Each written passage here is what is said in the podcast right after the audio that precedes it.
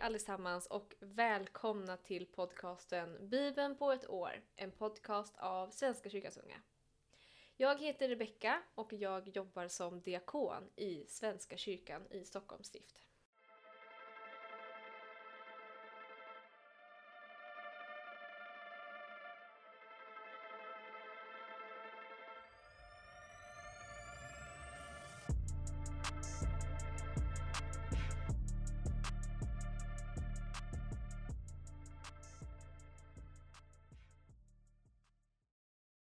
Vi ska inleda vår podcast med att be en bön.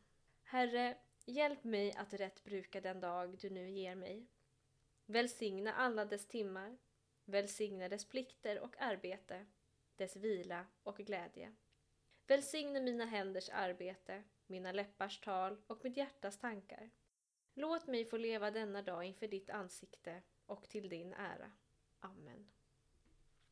Vi inleder vår podcast med att eh, läsa från första kungaboken, kapitel 9, vers 1. När Salomo hade fullbordat Herrens hus, kungens hus och allt han hade längtat efter att utföra visade sig Herren för honom en andra gång, liksom han hade visat sig i Givon. Herren sa till honom, Jag har hört din bön och din åkallan. Detta hus som du byggt har jag gjort till en helig plats, som jag ska göra till hemvist för mitt namn för evigt. Mina ögon och mitt hjärta skall alltid vara vända dit.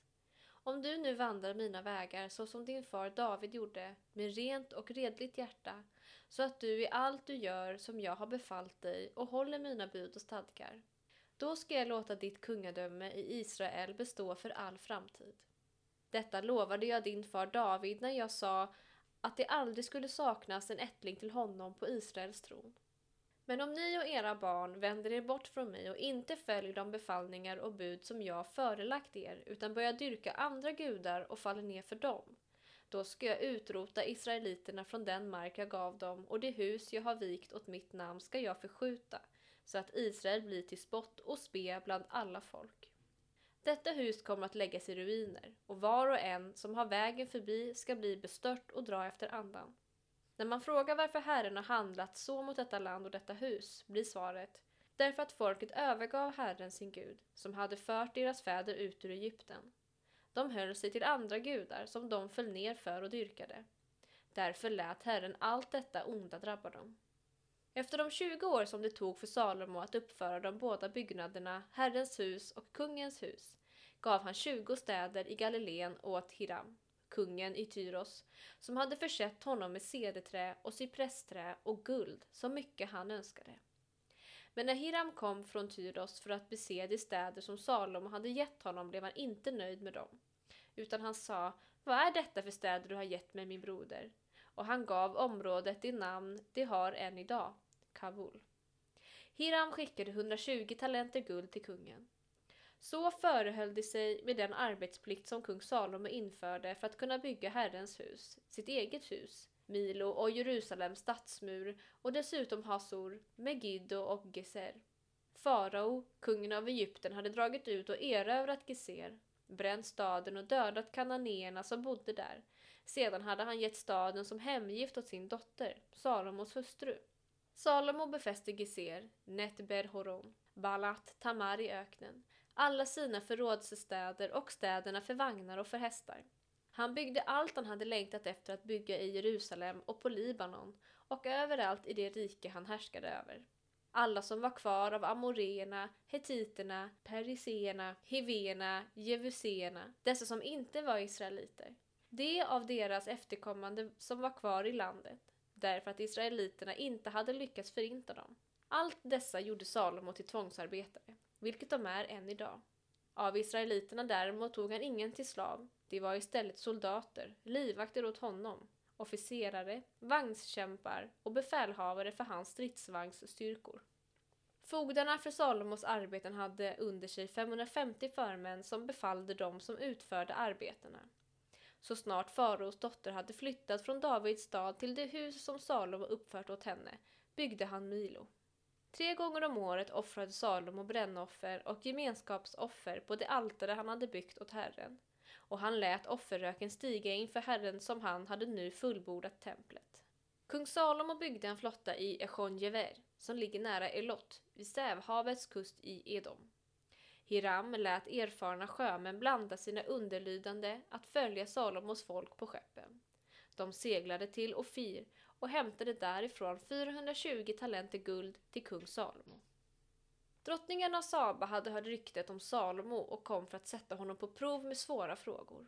Hon hade med sig stora rikedomar till Jerusalem. Kameler lastade med kryddor, guld i mängder och ädelstenar. Hon kom till Salomo och talade med honom om allt hon hade tänkt på. Och han gav henne svar på alla hennes frågor.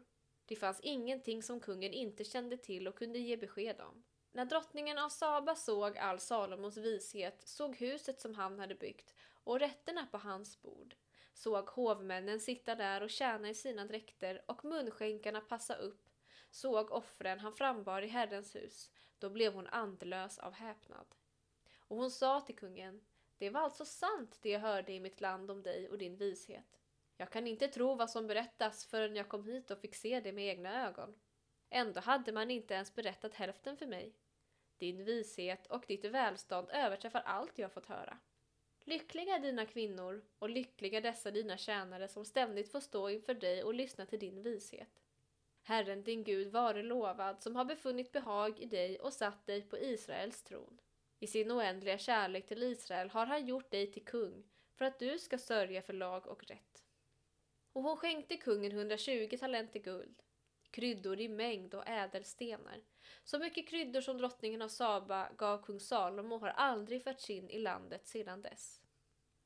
Hirams flotta, som hämtade guld i Ofir, hade också med sig stora mängder almungträ därifrån och ädelstenar. Av almungträet gjorde kungen utsmyckningar till Herrens hus och sitt eget hus och dessutom lyror och harpor åt sångarna. Till denna dag har så mycket almungträ aldrig införts eller skådats. Kung Salomo gav i gengäld drottningen av Saba allt hon önskade och därutöver gåvor värdiga en kung som Salomo. Sedan vände hon hem till sitt land igen med sina tjänare. Vikten på det guld som kom in till Salomo under ett enda år uppgick till 666 talenter. Förutom affärsmännens tullavgifter och skatten på köpmännens vinster och vad som kom från alla arabkungarna och från ståthållarna i landet. Kung Salomo lät göra 200 långsköldar av hamrat guld, var och en på 600 siklar guld, och 300 rundsköldar, var och en på tre minor guld. Alla dessa sköldar lät han hänga upp i Libanonskogshuset. Kungen lät också göra en stor elfenbenstron som han belade med äkta guld. Den hade sex trappsteg och högst upp var dess ryggstöd rundad bakåt. På båda sidor om sätet fanns armstöd och vid dem stod två lejon. Ytterst på de sex trappstegen stod tolv lejon, sex på varje sida. Aldrig har någonting liknande tillverkats i något annat kungarike. Alla kung Salomos dryckeskärl var av guld och även alla föremålen i Libanonskogshuset var av gediget guld. Ingenting var silver, ty på Salomons tid satte man inget värde på silver.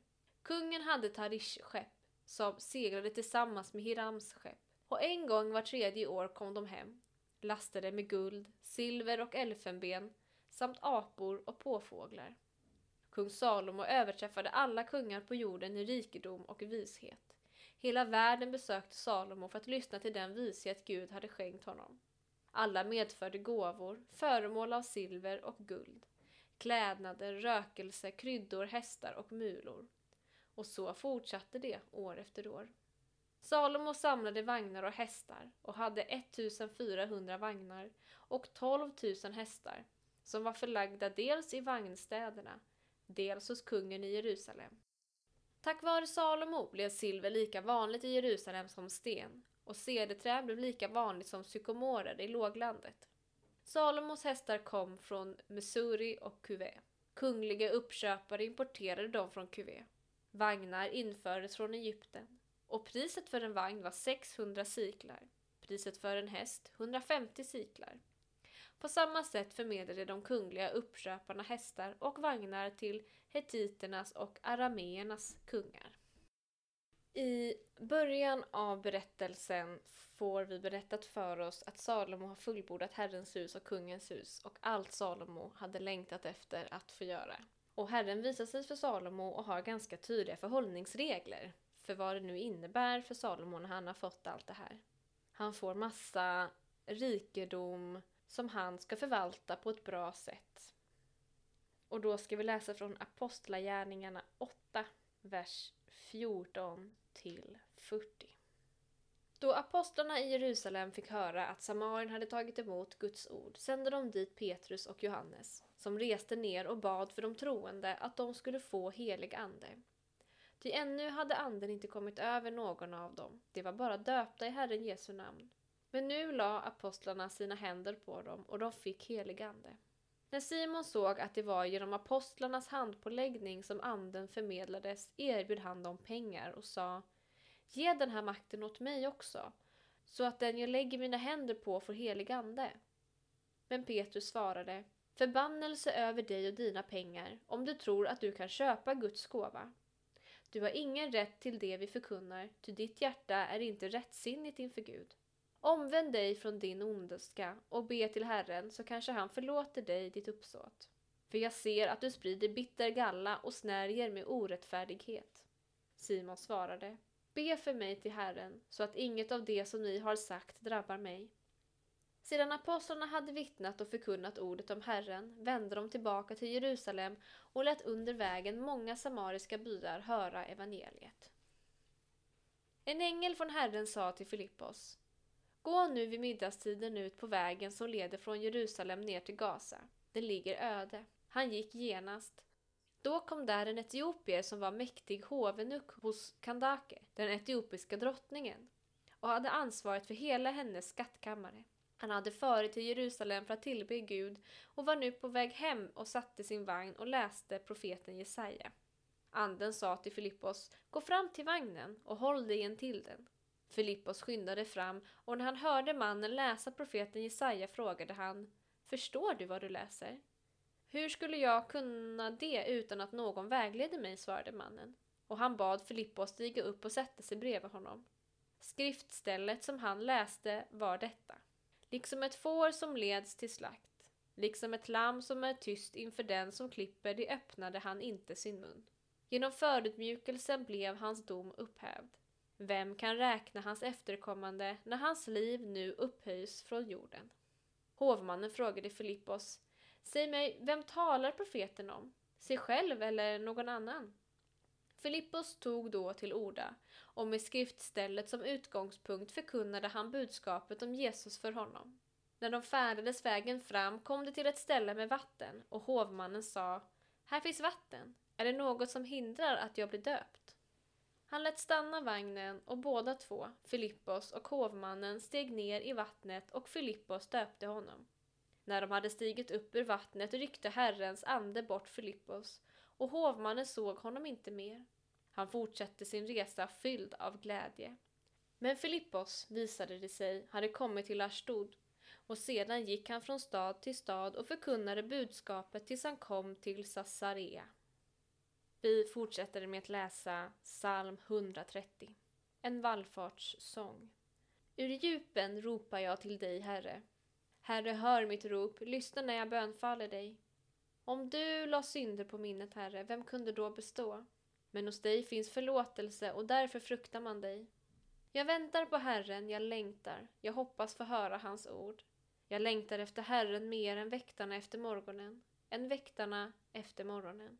Hoppas på Herren Israel, ty hos Herren finns nåd och makten att befria. Han skall befria Israel från alla synder. Dagens poddavsnitt avslutas med ett par ord från Ordspråksboken, kapitel 17, vers 2-3.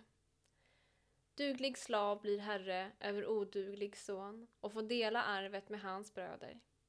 Silver prövas i degen och guld i ugnen, men hjärtat prövas av Herren. Tack för att ni har lyssnat på dagens poddavsnitt och jag önskar er en fortsatt trevlig dag så ses vi imorgon igen. Ha det bra! Hej då!